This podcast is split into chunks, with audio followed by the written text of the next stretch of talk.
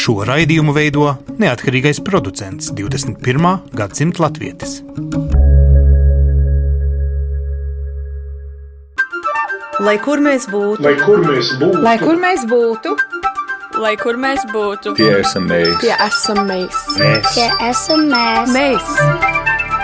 Tas ir par mums. Tas ir par mums. tas ir par mums. Sveicināti radījumā 21. gadsimta latvietis. Šis ir īpašs stāsts par 18. novembri. Mēs taču visi gaidām Latvijas simtsgadu un visiem gribas saprast Latvijas pēdas pasaulē. Ir tapusi kāda grāmata, līdz simtsgadēji iespējams tā nebūs vēl nu gluži ievākota, nu tā kā grāmatnīcā nopērkam, bet viņi ir gatavi. Un stāsts ir par gandrīz neticamu gadījumu, kopš latviešu, kuru tur nebija, faktiski nemaz. Te vai gadsimtu sāka apgūt, ja tā drīkst teikt, īrijas salu pēdējās desmitgadēs, izrādās, ka latvieši ir tik slaveni ne tikai Latvijas valsts kā republikas proklamēšanā šeit, Zintarjūras krastā, bet arī tur īru neatkarības alkās pēc, nu, kaklakungu britu noņemšanas ir liela, liela loma tieši latviešiem. Un te lūk, publicists Sandra Bondarevska, viņa ir arī grāmatas autori. Šis stāsts iespējams tiešām ielīgsmos daudzus, jo izrādās, ka latvietim piedarošā īpašumā ir deklarēta īrijas neatkarība. Mums jāieklausās gandrīz vēlreiz. Nevis 18. gada 18. novembrī, nu tā kā visi zina, tā vienīgā fotografija no viļņa rīdzinieka te Latvijā, un mēs visi to tagad svinēsim simts gadus. Lūk, īrijas neatkarība, kurā gadā Sandra un uh, kādā sakarā latvieša mājā. Nu, ar to īrijas neatkarību ir tā, ka faktiski tas pirmais vilnis bija, jeb, kā mēs viņu saucam, lieldienu dumpis. Tas notika 1916. gadā. Nu, tāpat kā 5. Gada revolūcija, viņš diemžēl nenesa to, jā, to gala rezultātu vajadzīgo. Bet tā doma deklarēt savu valsti, tā tad nu, ir vismaz pirmais de jure, ja ne de facto. Nu, teiksim tā, tas pavēra tādu cerību, ka tas ir iespējams. Kurā gadā ir ieguva neatkarību? Īrija ieguva neatkarību diezgan vēlu, e, nu tā, ja pēc dokumentiem skatās, bet e, tā saucamais Anglo-Irish Treaty, kas ir e, Tāds īru pamiera angļu līgums. līgums, jā, jau dodot zinām autonomiju īru e, republikai, tas faktiski šis līgums tika noslēgts 1921. gada 6. decembrī. Nu, re, nu, tas pa datumiem, bet tagad tas pats galvenais. Kā viens latvietis ir gadījies zaļajā salā, turklāt, nu, tiešām tālu prom un ne priekš latviešu ceļiem netradicionālā mītnes zemē. Ko viņš tur gadsimta sākumā meklēja? Nu, gadsimta sākumā viņš jau tur bija krietni iedzīvojies. Aha. Un tas ir Kārlis Petersons, un viņš zaļajā salā nonāca jau 1867. gadā. Tad tāds laimes meklētājs, kā viņa kādi rādies pieņem uz Sibīriju, viņš uz rietumiem? Man ir grūti pateikt, kas tā bija par motivāciju, bet tas sākuma posms vispār viņa ceļojumam ārpus Latvijas bija uh, vispirms uz Pēterburgu. Aha, uz ziemeļiem. Jā, un tad viņš tur ir uzkavējies pāris dienas. Tā vismaz uh, liecina tie vīzu ieraksti un robežu šķērsošanas maršrutu pētījumi. Pēc tam no turienes viņš ir uh, braucis uz Vāciju. Nu, es pieņemu, ka viņam bija laba vācu valoda. Tātad zaļnieku mūžs Kārlis Petersons caur Pēterburgu nonāk Vācijā. Lībekā. Un tur viņš kādus trīs gadus nostrādā. Nu, pirms tam viņš ir ieguvis Jelgavā tādu apliecinājumu, tagad mēs viņu saucam par certifikātu. Jā. Apliecinājumu, ka viņš ir koka virpotājs, meistars koka virpotājs. À, tad, teiksim tā, viens amata meistars meklē, kur būtu labāk to viņa amata prasmi, nu, kā teikt, pārvērst naudā, ja tā drīkstētu teikt. Jā, gandrīz vai tā. Pat cik ģimenē viņi bija, Petersona ģimenē viņi bija seši bērni.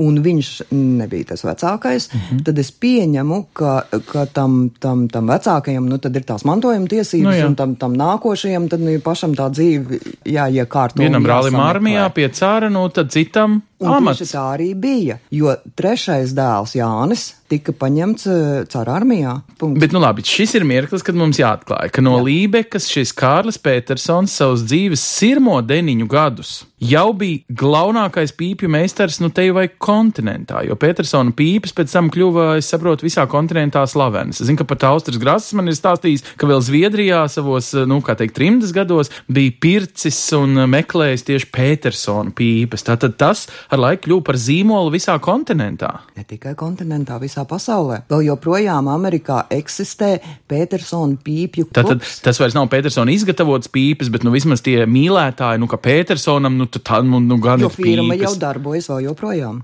Bet, nu, firma nepiedara vairs latviešiem vai latviešu izcelsmes. Vismaz viņa ļoti- bērni ir uh, mantojuši, jeb tas ir pārdots jau. Nē, dzimta ir faktiski beigusies. Mm. Ar Kārļa Petersona meitas nāvi šī dzimta ir beigusies. Nu, pēcnācēji vairāk nav. Mm -hmm. Bet tas ar kādu cieņu šis uzņēmums Kapum Petersona. Ah, ražo tātad šīs tas Petersona Petersons jau ir pīpes. Peterson, nu tātad Jā, uh, britu jā. vai angļu valodā Jā, pieraksts. tas jau ir jau kā tāds, nu, kārtīgs brands. Nu, un tā tagad viņš- šis galvenais zīmols ir ar latviešu saknēm. Par to esi pilnīgi droši, jo es izpētījusi gadsimta visu to griezumu tai firmai, sēdējusi arhīvā un visi apliecinājumi ir. Ja? Visi, pilnīgi visi apliecinājumi ir, un ne tikai, eh, man liekas, ka es esmu mazliet, nu, es negribu pārspīlēt savus nopelnus, bet, bet man liekas, ka es pat esmu drusku iedrošinājusi īru vēsturniekus, kas ir arī ķērušies klāt pie šīs lietas. Tātad tu saki, ka vēl pēc desmit gadiem varbūt būs pat tāda filma, kā tapa īru neatkarība, ko paši īri par savu,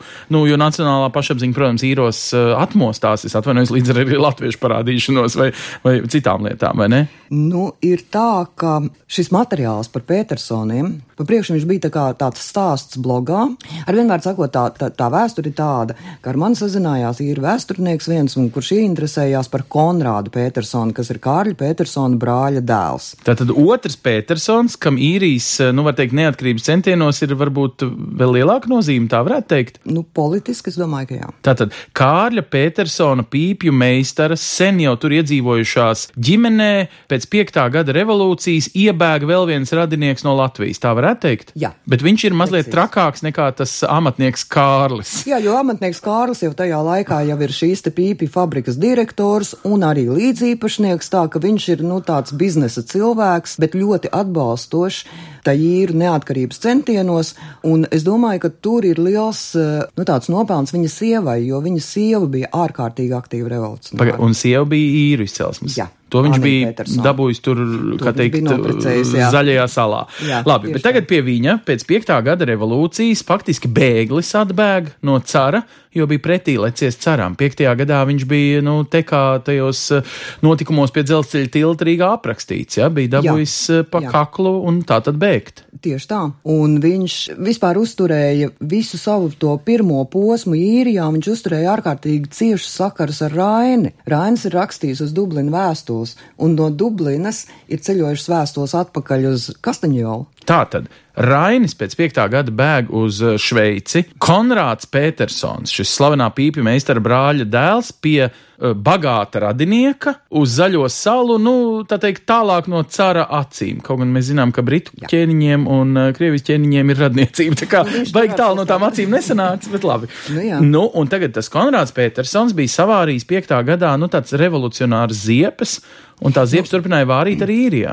Nu, ja tā parēķina, jā, Konrāds ir dzimis 1888. gadā. Jā. Cik viņam varēja būt 5. gadā gadu? Nu, jā. Nu, teiksim, tādi. Jaunietis, nu, tāds salīdzinošs. Tāds vēlais pusaudzis. Jā. Un, nu, ja es tā iedomājos to situāciju, tad cik gan viņš būtu bijis nobriedis revolucionārs, man liekas, ka viņš bija vairāk tāds, nu, Līdzskrējējs. nu, tāds revolucionārais huligāns, teiksim tā. Jo tā radniecība vēl, redz, Aspazīna nāk no zaļnieku puses. Aha. Un viņam bija ļoti, ļoti laba draudzene Kārļa Pīpju. Kārļa Petersona māsai Lizetei, jo viņas bija apmēram viena gada un kopā mācījās pagasskolā, zaļnieku pagasskolā. Bet ap to piekto gadu Lizete jau dzīvoja Rīgā, un uh, Rainis un Aspazīļa ļoti bieži ciemojās pie viņiem. Un tur iegriezās arī uh, Konrāds, kā nu, jauns puisis. Ja? Un saklausījās visas tās revolucionāro onkoļu idejas. Saklausījās, jo Rainis viņam bija milzīga autoritāte. Raiņa mudināts, viņš iestājās tur vispirms vienā skolā, lai mazliet uzlabotu savu angļu valodu un ie- iedzīvotos, un pēc tam viņš iestājās tur universitātē. Bet to visu sponsorēja, protams, bagātais radinieks, protams, pīpju, pīpju meistars Pīpju Kārlis. meistars, Jā, pīpju meistars Kārlis. Nu, un tad šis. um, Bet starp šiem studentiem Dublinā nu, viņš atrada atkal revolucionārus domu biedrus, un viņš ļoti aktīvi tur darbojās. un Faktiski jau 1913. gadā bija tāds liels, milzīgs streiks, ko viņi sauc par lockout.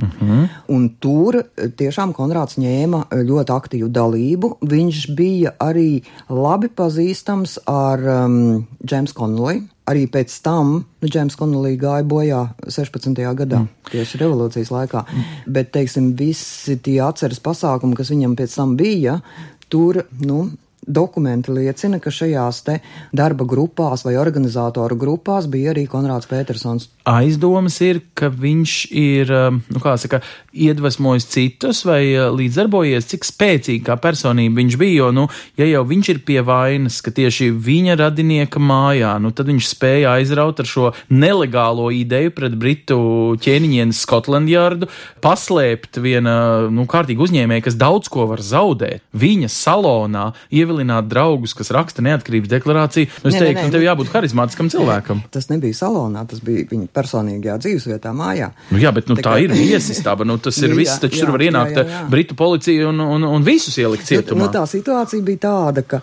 faktiski ap to 13. gadu, tad, kad bija šis milzu streiks, tad dokumenti liecina, ir tādas liecības, militārajā arhīvā ir liecības, kur, nu, tie dalībnieki stāsta par to, nu, kas kurā dienā kā ir noticis. Un tad ir tāda Sidnija Zora, kas ir dzimusi Giforde. Un viņa uh, liecina, ka Konrāds Petersons, koledžas students, viņus māca, kādā veidā izplatīt skrejlapas pūlī, pirmkārt, lai nu, aizmuktu no policijas acīm un arī ķepām, uh mhm. -huh. un otrkārt, lai viņas maksimāli izplatītos pa gaisu. Un tur ir speciāli aprakstīts, kā nu, tā lapa tur ir jāizloc, un kā viņas ir jātur, un kā viņas ir jāmet. Un, un šeit tā Sidnija Zora min, ka to visu mums iemācīja Konrāds Petersons, kuram bija jau uh, Krievijas revolūcijas pieredze. Ah, nu, ka viņš tajā tika... laikā bija Krievijā. Jā, jā, nu, protams, bet tad, tad viņš jau bija cienījams, kā lai saka, revolucionārs ar viņš stāžu un praksi. Nu, jā. viņš jau, nu, mūsdienās mēs viņus varētu saukt par, es atvainojos, troļļiem, par spēcdienas aģentiem, kas vienas vai otras varas, nu, inspirēti, dodas gāzt otras varas kaut kādu, nu, teiksim, Eģiptē vai eh, daudz kur ēpastos ir notikušas dažādas pret, teiksim, valstiskas darbības pēdējos es, es gados. Es papētīju, kurā vietā tas eh, pēc tām vecajām kartēm um, Pīpi Petersons ir dzīvojis, un tad tas rajons, tur laikam tā veiksmīgi sagadījās, ka viņš dzīvoja tieši tajā rajonā, kur tie revolucionāri riņķi bija apmetušies. Jo, burtiski tagad uz Google kartes uzliek to attālumu no Konstants Markevičs mājas līdz Pīpi Meister mājai, kur arī tajā laikā bija apmeties eh, Konrāds tad ar mašīnu viņi var nobraukt septiņās sekundēs. Jā, ah, tā kā nu, viņš nu, burtiski nu, ir bijis kaimiņos. Un atkal tās fotogrāfijas visas liecina, jā, kas, kas ir uzņemtas, ka viņš ar šo te Konstants Markeviča arī bija ļoti labos sakaros. Nu, bet teiksim tā, tā tur, uh, tur kāpēc tiem latviešiem, kā tev šķiet, vajadzējuši to visu? Viņi vienkārši bija, nu, nerimti un viņiem likās, nu, tā kā mums startautiskā darbība atgādināt, es nezinu par to, ka nedrīkst vienkārši Krīmu paņemt un okupēt, jo mums ir bailes, ka ilgtermiņā tas var notikt pret uh, Latviju nākotnē. Tāpat uh, viņi toreiz gribēja, lai tiem īriem izdodas tad varbūt izdosies arī Latvijai to savu neatkarību deklarēt, jo faktiski tā viņu lielā dumpja lieta bija divus gadus pirms 18. novembra. Mums Jā. vēl plosījās eh, Pirmā pasaules kara šaušanās tajos gados. Jā. Un eh, es domāju, ka viņš vienkārši nonāca pareizajā vidē, kas viņu aizrāva, kas saskanēja ar to viņa nemieru, kas viņā ir iekšā. Viņš tiešām bija puisis nemierīgs bez gala. Jā. Viņš faktiski pēc tam vēl, kad viņš jau ir krietni gados, jau ap 50, pat tad viņu grāmatās, kur par viņu raksta, viņu noraksturo kā tāda, tādu azartisku, nemiera gāru ar skaļu balsi, ar žestiem. Nu, Nu, tāds Pagaid, viņš ir vienkārši. Tu bijis. gribi teikt, ka Konrāds eh, un Kārlis nekad nebrauc vairs atpakaļ uz brīvu Latviju? Viņu sapnis bija izsapņots un sasniegts nosacīti īrijā. Protams, ka viņš aizbrauca atpakaļ uz Latviju. Viņš nevarēja nosēdēt tur mierā nemirkli. Viņš aizbrauca atpakaļ uz Latviju, viņš sastrādāja arī Latvijā lielas lietas. Viņš bija šeit. Uh, labas vai sliktas lietas? Labas, labas, ļoti labas. Viņš bija akciju sabiedrības kūdra direktors, kas faktiski pārzināja šos kūdras purvus Latvijas laikā. Bet tev liekas, ka tur arī ir nu, jēga, var teikt, tā īrijai, jo īrijā.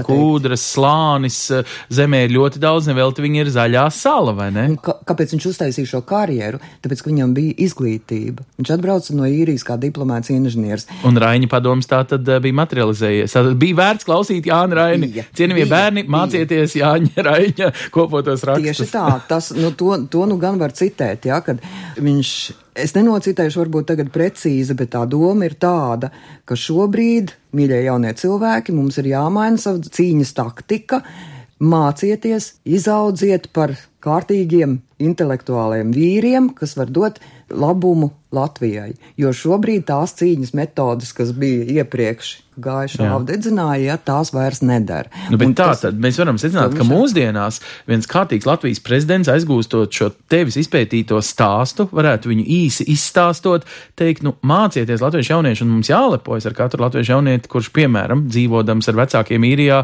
iziet īru skolas un kādu dienu, kas to, lai zina, kādus brīnumus šis jaunietis darīs ar saviem īrijā iegūtiem diplomiem atpakaļ Latvijā, vai ne tā? Tieši tā. Un es pat domāju, ka var būt, ka faktiski jau nekas nav mainījies. Simts gadus vēlāk, nē, Tieši tā. pagaidām vēl nav. Tikai pa Lielos spirāli vilcienos- attīstījies. Lielos vilcienos faktiski izlasot, es arī tai monogrāfijai pašās beigās rakstu, ka tas varbūt ir vēsturiski fakti šeit iekšā, bet tas stāsts par Petersoniem ir audzinošs. Kā ir ar Kārli Petersonu, ap citu, vai eh, Kārlis Petersons arī uh, atgriezās Latvijā vēlāk? Jeb, Nē, Kārlis Petersons mira 1919. gada 11. septembrī. Tas ir, nu, Nu, jā. nu, tad, nu, drīz pēc, jā. faktiski, Ulmanis vēl vēl. Ulmanis uz kuģa Jā, bija tajā brīdī, jā, tā. Latvija karājās mata galā, Jā, vai ne? un arī, teiksim, nu, tā Latvija stabilizējās kā valsts tajā pirmajā gadā, un viņš jau, es saprotu, ka tajā laikā, nu, viņam varēja būt kaut kādas veselības problēmas jau. Nu, protams, un arī no Krievijas uh, tāliem austrumiem ne jau visi latvieši tajā brīdī vēl uh, skrēja atpakaļ uz Latviju. Tas jau Jā, viss notika jā, vēl 20 jā. gadu sākumā. Bet, bet Kārli Petersonu, veco pīpi meistaru, uzrunāja Zigfrīds Anna Mērovics. Oho, ārlietu ministrs. Viņam varbūt vajadzēja Tieši naudu tā. vienkārši. Es atvainojos par tiešumu. Uh, no Mērovicam jau negāja viegli tur Parīzē un Anglijā dzīvojot, lobēt visas tās lietas. Tas taču nebija arī diezcik lēti. Nu, viņš viņu tā kā aicina. Ir viens ārkārtīgi svarīgs dokuments, kas šobrīd glabājās ārlietu ministrijā, kas tika ļoti svinīgi nodots uh, mūsu Edgaram Rinkēvičam. Mm -hmm. Tas notika 2012. gada 7. decembrī. Un tajā laikā Dublinā viesojās mūsu ārlietu ministrs, un pēc 94 gadiem Petersonam adresēto Mērovica vēstuli, pašrocīgi rakstīto, tātad oriģinālu, svinīgi nodeva Breidija ģimene, kas bija viņa saglabājusi. Bet, nu, Breidī ģimene bija darbinieki, ja tajā fabrikā bija pārpirkuši. Nē, nē. Tātad. Kārlim Petersonam bija dēls un meita. Mm. -hmm. Faktiski viņam bija trīs bērni, bet ja, mm. vecākā meitiņa ļoti agri mira. Savukārt jaunākā meita Izolde, viņa bija krustmāte Breidiju šīm te divām. Mm. -hmm. Kundzēm, kas ir saglabājušas dokumentu, viņas mātei krustmāte. Nu, sadraudzējušās simts ģimenes. gadi, jā, Jā. ir. Un eh, tad, kad mira Izolde, kas nebija precējusies un kurai nebija vairs bērnu, tad šo te dokumentu kastīti ar dažādiem svarīgiem papīriem šīs te meitenes saglabāja. Viņas saglabāja ne vārdu nesaprastams, kas tur ir rakstīts, jo, protams, ka vēstule bija latviski. Paskat, un tagad uh, tas uh, kļūst par tādu arhivējumu dokumentu, ko Jā. Latvijas ārlietu ministrijas īpašajā ekspozīcijā par Latvijas de jure atzīšanas visiem šiem uh, Jā. peripētijām. Tad Kārlis Petersons ir aizdoms, ka ir bijis nu, līdz uh, vismaz rīkotājs, lobētājs, kā mūsdienās saka, vai ietekmīgs naudas maks, kas uh, to neatkarības, nu, de jures daļu, ja jau runa ir par Zigfrīdu Anni Meirovicu, to atzīšanas daļu no lielvarām Eiropā, nu, Meirovicam jau negāja ātri tā lieta, tur Petersona nauda vai vismaz padoms noderēja. Tur bija tā, ka tajā laikā, redz, mēs par īriju arī nevaram runāt kā par īriju. Jā, vēl, viņi vēl nebija valsts tajā Jā. brīdī. Eh, Viņa bija Lielbritānijas sastāvdaļa, un Lielbritānija bija ārkārtīgi ietekmīga, un līdz ar to, nu, Lielbritānijā ir viens latviets, jā, kuru jaunā Latvijas valsts, jeb jaunās Latvijas valsts ārlietu ministrs var uzrunāt. Tātad Zigfrīds Anmērovics 18. gada 18. novembrī. Ah. Kas ir ļoti būtiski tieši, Tieši tajā proklamēšanas dienā, pašrocīgi raksta vēstules ā, ar aicinājumu noklausīties ziņojumu par Latvijas nākotnes izredzēm un uzdevumiem Latviešu legācijas tāpās Lielbritānijā 18. gada 24. novembrī. Tātad jau piecas dienas vēlāk, faktiski Meirovics ir gatavs būt Londonā un uzrunāt Jā. tautiešus, nu kā mēs tagad to atbalstu šai Jā. Jā. deklarācijai Jā. būvēsim, vai ne? Jo deklarācija citādi būtu palikusi tikai papīrs. Bet, bet šai vēstulē bija pievienots arī Lielbritānijas un Ziemeļīrijas apvienotās karalistes ārlietu ministra Artūra Džeimsa Belfūra 1918. gada 11. novembra personiskās notas noraksts par Latviešu pagaidu Nacionālās padomes kā neatkarīgas struktūras atzīšanu. Nu, bez šī visa nebūtu bijis nec 18. Jā. novembris, nec pēc tam galu galā Britu karakuģis, kas palīdzēja to uh, neatkarību viena mata galā arī tiešām nosargāt, uh, kad bija mm, Bermonts. vai ne? Viss tas uh, sekoja. Tātad šie ārzemēs, nu, savu ietekmi guvušie cilvēki, nu, gluži kā mēs sakam, paldies trimdai, jo bieži par, piemēram, lobēšanu pie Baltānām, un mēs tagad esam NATO valsts un jādomā katru dienu par to priecājamies. Toreiz varbūt vēl jo svarīgāk bija šie, es teiktu, daudz mazāks laikam cilvēku skaits, kas faktiski Latvijas piedarīgie, viņus pat par Latvijas valsts piedarīgiem nevarēja teikt, Latvijas valsts vēl tā īsti nebija. Bet tātad šis latviskums bija gana, nu, svarīga lieta, lai varētu Jā. būvēt ķēdes. Jā, šo atbalstu vajadzēja un vajadzēja meklēt, un Mērovics, man liekas, to izdarīja vienkārši perfekti. Ko jūs tālāk īrijas latviešu saimē? Es zinu, tu esi ļoti aktīvi arī īrijas latviešiem vadīt 3x3 padomu, tu esi aktīvs īrijas latviešu biedrību cilvēks. Ko jūs tālāk ar šo stāstu darat? Vai īriem pašiem viņš liekas tāds, nu, neparasts, interesants, nu, vismaz kā aspektiņš kādā īrijas vēstures muzejā? Mēs uztaisījām tādus trīs smukus bānerus, tādus mm. -hmm. lielus, tādus ar lielām bildēm. Un tad, kad bija Latviešu kultūras dienas, te viņi bija izlikti gan telpās, un pēc tam, kad koncerts notika vecpilsētā, tad arī vecpilsētā izlikām viņus. Nu, no vienas puses, es domāju, Dievs, nu kas ies tur klāt un lasīs, nu, tur tos nelielos. Bet angļu valodā, vai ne? Jā, jā, jā, Nu, jā. angļu valodā. Angļu un latviešu, Jā, jā. jā. Un es biju ļoti pārsteigta, ka cilvēkiem bija interesi, un viņi tiešām lasīja. Bet Es tas jau ir redzēju arī par balsis. viņu valsti. Arī viņu valstī viņu, nav tik cik Anglijas karalistē, Jā. vai ne? Arī viņi ir savā ziņā jauna demokrātija, ap citu republika. Ja? Jā, Mums jā, tur arī ir viena līdzība. Kā ir ar šo trimdas laiku, kā mēs sakām, pēc otrā pasaules kara? Bija kāds latviečs iemaldījies īrijā? Tā varētu teikt, ka Petersons bija vienīgais, un tad atbrauca tie, kas atbrauca 90. Nu, ir tā, ka um, pēc statistikas 1937. gadā pēc statistikas īrijā dzīvoja vairāk latviešu nekā lietuviešu. Aha. Nu, viņi gan nebija ļoti daudz, nu, ne, ne tādas masas kā tagad, bet eh, nu, apmēram 40. Nu, tā tad skoliņa visdrīzāk tur nebija. Nu, tur bija Skoliņa kāds nebija. ieprecējies Skoliņa mīlestības stāsts kādam tur bija gadījies. Jā, jā, un tur bija nu, kādi tie cilvēki, bet tas bija 37. gadā. Kā tev liekas, cik ir tagad? Visi jau saka, ka statistika Latvijā pieklibo ar šo Es domāju, ka nu, ap 40 tūkstošiem vajadzētu būt. tūkstošu kārtīgs pieaugums ir noticis. Tā, tā, tie 25 ir tie oficiālie tūkstoši, vai nu vairāk vai mazāk, nu, plus mīnus, bet nu, tad ir vesela virkne, kas tiešām arī tajās uh, tautas skaitīšanās nepiedalās. Labi, bet tas jau nav beigas. Bet pēc tā 18. ir šis te stāsts, es, es viņu nepabeidzu. ir tas stāsts par šo 1921. gadu, kad tika parakstīts Anglo-Irish Treaty. Proti, nu, tas, kas patiesībā nodrošina kas to ir neatkarību kas- kas līgums. īriem. Jā. Nu, faktiski viņš ir, viņš ir ārkārtīgi, nu, kā lai saka, par viņu ļoti da- dalās domas, vai viņš bija vajadzīgs, vai viņš nebija vajadzīgs, vai viņš. Nu, vēl joprojām divas partijas, kas tajā laikā sašķēlās, ir partijas, Jā, Šenfēns un, un, un Finagēls. Nu, viņi, viņi vēl joprojām nu, savā starpā nesatiek, tāpēc ka vieni uzskata, ka nevajadzēja šo līgumu parakstīt, un otru uzskata, ka vajadzēja parakstīt.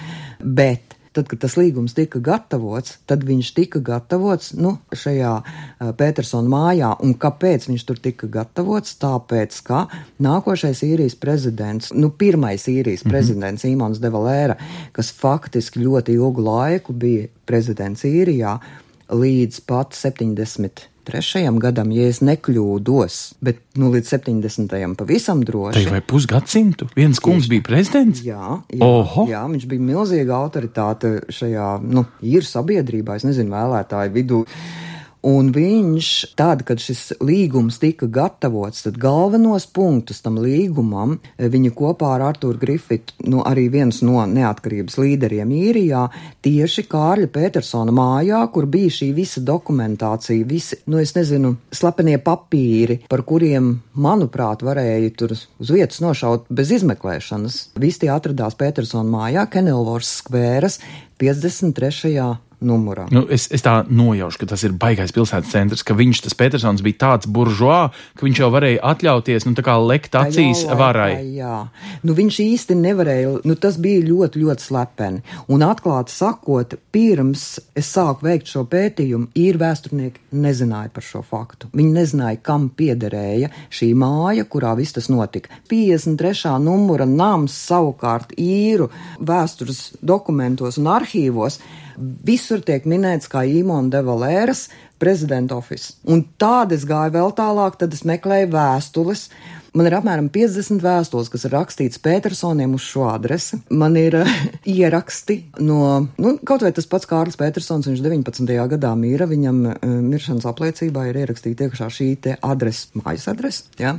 Tā ka tur bija tie apliecinājumi tik daudz, ka šī Petersona māja, es šos apliecinājumus parādīju īri vēsturniekiem, viņi saķēra galvu, viņi teica, tas tie ir tieši pierādījumi tam, ka, ka tā ir tā māja, un plus vēl tālāk rokoties, un jo vairāk rok, jo daudzāk var izrakt. Tiešām pierādījās tas, ka šī ir tā Petersona māja. Nu, bet klausies, nu, Sandra, nu, tad sanāk tā, ja mēs vienmēr esam zinājuši, jo ir vienīgā fotografija, Viļa rīdzinieku fotografija, kas apliecina, ka mūsu deklarācija bija uz 18. novembra, nu, skatuves Nacionālajā teātrī, tur gal galā katru gadu vēl notiek pat svinīgā saimnes eh, deputāta sēde pieminot šo faktu. Jā. Tad tu, Latvijas Sandra, esi aizrakusies priekš īriem tik tālu, ka viņi zina tagad to adresi un to vietu, kur notika šis slepenais darbs. Un galvenais, ka viņi zina, kam šī adrese un kam šī māja piederēja. Un, viņi to zina, jā. Un arī mēs, protams, to zinām, un uh, laikam ļoti, ļoti lepojamies. Kādas jūtas tev pārņem? Nu, tu principā uzdāvini cilvēkiem nu, tādu jaunatklājumu pašiem par sevi, kad it kā viss jau bija izpētīts un zināms. Petersona grāmata ļoti gaida šo monogrāfiju, tiešām gaida cilvēki, latvieši īrijā. Jo šobrīd, teiksim, ir atsevišķas publikācijas bijušas par šiem faktiem, jo tas ir tāds, nu tā motivācija, es teiktu, ir tāda pašapziņas celšana. Pagaidiet. Sandra, bet tagad jautājums tāds, vai šai grāmatai ir lielāks svars? Latvijasiski vai angliski, vai pašiem īriem šis, vai, nu, varbūt gēlu valodā vēl, ja, um, nu, vai viņiem nevajadzētu, principā, pirmajiem saņemt šīs grāmatas pirmizrādi nekā latviešiem, protams, arī mums. Katrā gadījumā, teiksim, tas Kapuma Petersona firmas, kas ir eh, tā vadība, viņi ļoti gaida šo grāmatu pat latviski, ja viņi viņu nevar izlasīt latviešu valodā. Bet viņi viņu tiešām gaida. Kāpēc? Nu, viņi zina, ka tāda grāmata top, jo es esmu rakusies arī viņu muzeja arhīvos. Tas ar kādu uzticību viņi man laida klāt pie šiem simtu un vairāk. Nu, nu jau gandrīz pusotru gadsimtu Jā, dokumentiem. dokumentiem. Jo tur es arī atradu faktiski Kārļa Petersona dzimšanas apliecību, kas ir izdota, nu, Kārļa dzimšanas laikā šeit, Zaļniekos. zaļnieku, zaļnieku mācītājs ir uzrakstījis to visu, jā, un tas ir nedaudz nemaz, bet tas ir 1852. gada 4. martā. Un šāds dokuments, nu, tas arī bija tāds, ka, nu, jāvāk balta cimda rokās, jo nemaz ar pirkstu viņu ņemt, turēt un lasīt. Tad es eh, te runāju ar eh, kādu ļoti izcilu īru vēsturnieci, vai ir tā, ka tu arī tālāk? apsēstu, ar vienu apsēstu Sandru, kurai es vienkārši nevarēju neturpināt to darbu, jo man pašai bija ļoti, ļoti interesanti saprast un zināt. Un es neesmu vēsturnieks, un man nav tādas metodas kā vēsturniekiem, kas pēc strādā un tam līdzīgi. Es strādāju ļoti klasiski. Es izvirzīju hipotēzi un mēģināju viņu Ne, pierādīt. es vienkārši saku, Sandra, ka tava publikācija ir pišķiņa iepalikusi, jo es domāju, ka Latvijas simtsgadus filmas, principā scenāriju tu jau esi uzrakstījis. Atliek tikai režisoram piemeklēt, eh, kur viņš un kad sāks filmēt. Eh, Nav tā, ka tas ir tāds, nu, vismaz īrijas un Latvijas producentu kopražojuma vērts gabals, vai tur pieliek mīlestību vai atņem šausmas, nu to tad, lai viņi izlemj. Es nezinu, tu man uzdevi kautrējies. uzdevi pārāk traku jautājumu. nu, to es nezinu. Nē, nu, katrā gadījumā tas noteikti būtu viens, viens interesants kopdarbs, jā, jo, jo tā saikne, kas ir starp Latviju un īriju caur Petersoniem, ir ļoti cieša. Tā kā, eh, Sveiciens visiem radiniekiem, nu. Petersona radiniekiem. Viņi man ārkārtīgi daudz palīdzēja, milzīgi. Tiešām to, kas attiec uz zaļiniekiem, uz kliēniem. Kliēni kliēnu ir māja nosaukums. Nu, Kārlis Petersons ir dzimis lejas micaišos, bet viņam bija tikai četri vai pieci gadi, kad viņi pārcēlās uz kliēniem. Un visu to kliēnu stāstu, to man tiešām atklāja šejienes, jo ir saglabājusies tāda ļoti jauka dienas grāmata, kurā ir aprakstīts ieraksti veikti. Piemēram, jā, tas es tā necitēju. Piemēram, 1872. gadā izbūvējām pagrabu pa jaunu. Jā, mm -hmm. punkts. Nu, tādi, tādi, tādi, tādi fakti. svarīgi dzimtas jā. fakti. Jā, un tur arī ir minēts uh, Kārlis Petersons, ka viņš ir nodots uh, mācībā, mm. Mītavā nodots pie meistara. Re, jā, kā, mītavā, tagad mēs visi mītavā, zinām, mītavā, ka to sauc par Jelgavu. Jā, jā. Uh, Nu, ko es saku, sirsnīgi paldies Sandrai. Šis 18. novembra cienīgais stāsts, lai katram mums liek apzināties, ka pats fakts, ka latvieši ir visur, visos kontinentos, padara pasaules vēsturē aizvien jauns un jauns jaunatklājums, kā Lūks Andra Mondrēlska ir izdarījusi šajā grāmatā, kura noteikti jau ir kļuvusi par bestselleru kopš šī raidījuma ēterā skanēšanas. Gluži vienkārši mēs gaidām, kad eh, šis stāsts eh, būs uz lapām, tad atliks tev tikai to pārlikt angļu valodā, un tad jau visdrīzāk tu būsi miljonāri. Es vismaz domāju, Aha. ka īrijā. paldies, Ans, paldies. Man nav žēl. Patiešām es domāju, tāds miljonārs miljonu vērts stāsts, vai ne tā? Tas mūs ielīgsmo. Mūsu šajā nedēļas nogalē, lai kur mēs arī būtu, varētu ielīgsmot arī lieliski notikumi, ko mēs diasporā katrs viens varam piedzīvot. Um, tāpēc atvedamies ar mūsu ik nedēļas pārskatu par to, kāda diasporas notikumi jūs varētu skart šajā nedēļā jūsu dzīves apkārtnē. Paldies! Uz redzēšanos!